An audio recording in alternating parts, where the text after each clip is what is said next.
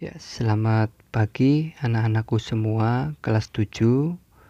Hari ini kita mulai belajar dari mulai bab 1 mengenai pasca penerangan sempurna Buddha Gotama.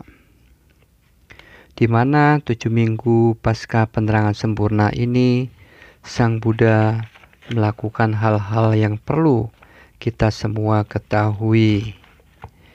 Di dalam minggu pertama dikenal sebagai Palanka Satata karena Buddha Gotama tetap duduk di takhta yang tak terkalahkan di bawah pohon Bodhi selama tujuh hari. Setelah merenungkan Paticca Samupada selama tiga malam itu, Buddha Gotama mengucapkan seruan gembira pada hari kedua dan ketiga serta keempat dan berikutnya. Yang perlu kita pahami adalah di mana Paticca Samupada ini menguraikan tentang karena kegelapan batin muncullah bentuk-bentuk karma. Dan karena bentuk-bentuk karma tersebutlah kemudian muncul kesadaran dan kesadaran ini muncul kemudian bat, batin dan bentuk nama dan rupa. Karena batin dan nama rupa ini muncul, maka dari itu muncullah enam landasan indria yang disebut salayatana. Dan karena enam landasan lima indria tersebut, muncullah sebuah kontak atau pasa. Karena kontak muncullah suatu perasaan dan perasaan itu muncul karena adanya keinginan atau nafsu dan nafsu ini timbul juga karena adanya suatu kemelekatan. Di mana kemelekatan ini muncul, maka ada suatu kelangsungan hidup atau kelahiran dan karena kelangsungan hidup ini maka muncullah jati atau cuti cita kelahiran di mana akan menuju sebuah kemunculan kematian. Dan dari penuaan serta kematian tersebut maka akan muncullah kesedihan. Inilah yang disebut paticca samupada 12 mata rantai yang saling bergantungan. Pada saat minggu kedua, Buddha mencapai penerangan sempurna, akan tetapi pada minggu kedua, beliau diam-diam mengajarkan suatu pelajaran batin yang sangat besar kepada dunia.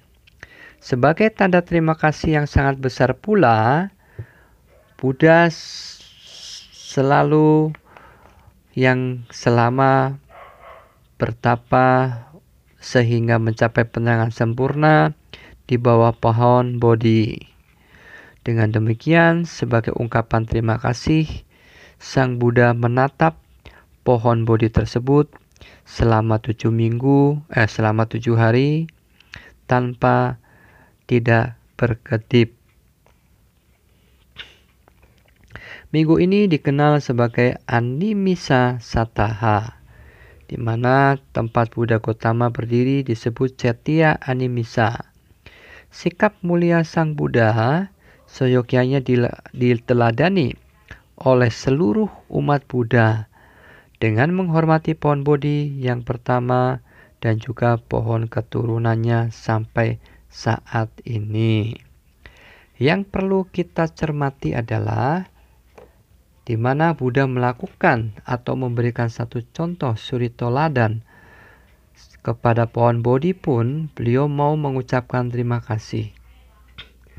Di mana kita sebagai umat atau insan manusia seluruh siswa Sang Buddha seyogyanya pula menghormati dan mengucapkan terima kasih kepada kedua orang tua kita yang selama ini memberikan kita pendidikan, kasih sayang, ya, selama kecil hingga kita menginjak remaja.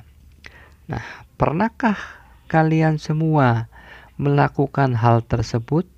mengungkapkan terima kasih kepada orang tua, khususnya ibu yang melahirkan, dan menyiapkan setiap harinya makanan yang selalu kalian santap.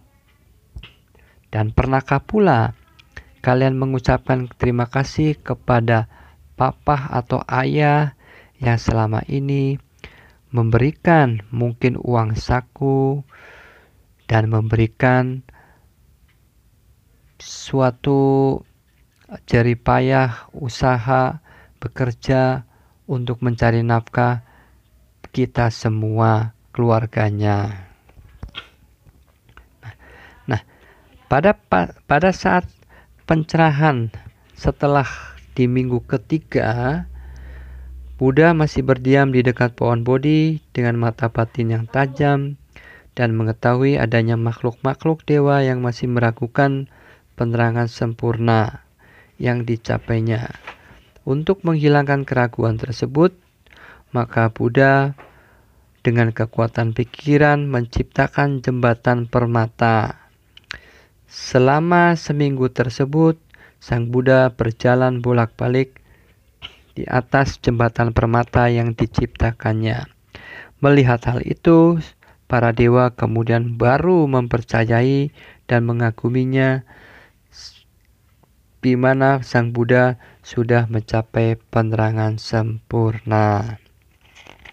Di minggu keempat, Buddha berdiam di kamar permata yang diciptakan sehingga di sanalah beliau merenungkan kesulitan-kesulitan manusia mempelajari dan menyelami ajaran yang lebih tinggi yaitu mengenai abidama.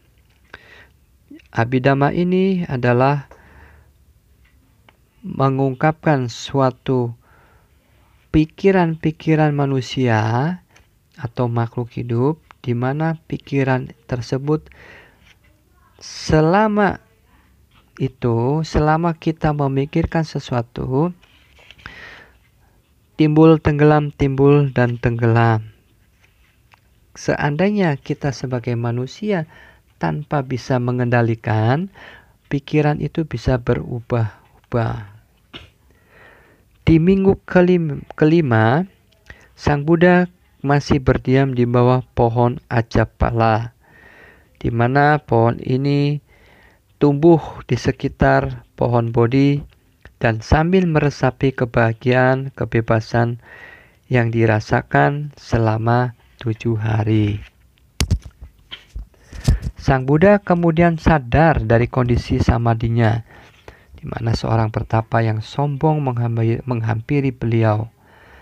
Dengan menunjukkan rasa hormat, Buddha bertanya, dalam hal apa seseorang menjadi seorang Brahmana? Dan kondisi apa yang membuat seorang menjadi Brahmana. Dan dijawab, seseorang dapat disebut menjadi Brahmana andai kata Brahmana tersebut membuang kejahatan, tidak memiliki sifat congkak, bebas dari kekotoran batin, dan mampu menguasai dirinya serta mengukur kemampuan diri sendiri. Seseorang layak disebut Brahmana andai kata dia benar-benar memiliki pengetahuan dan sudah menjalani kehidupan suci dengan benar. Pada minggu kelima ini banyak godaan-godaan yang dihadapi oleh Sang Buddha, yaitu seperti para mara yang yang bisa menjelma sebagai seorang putri-putri cantik yaitu Tanha, Arati, dan Raga.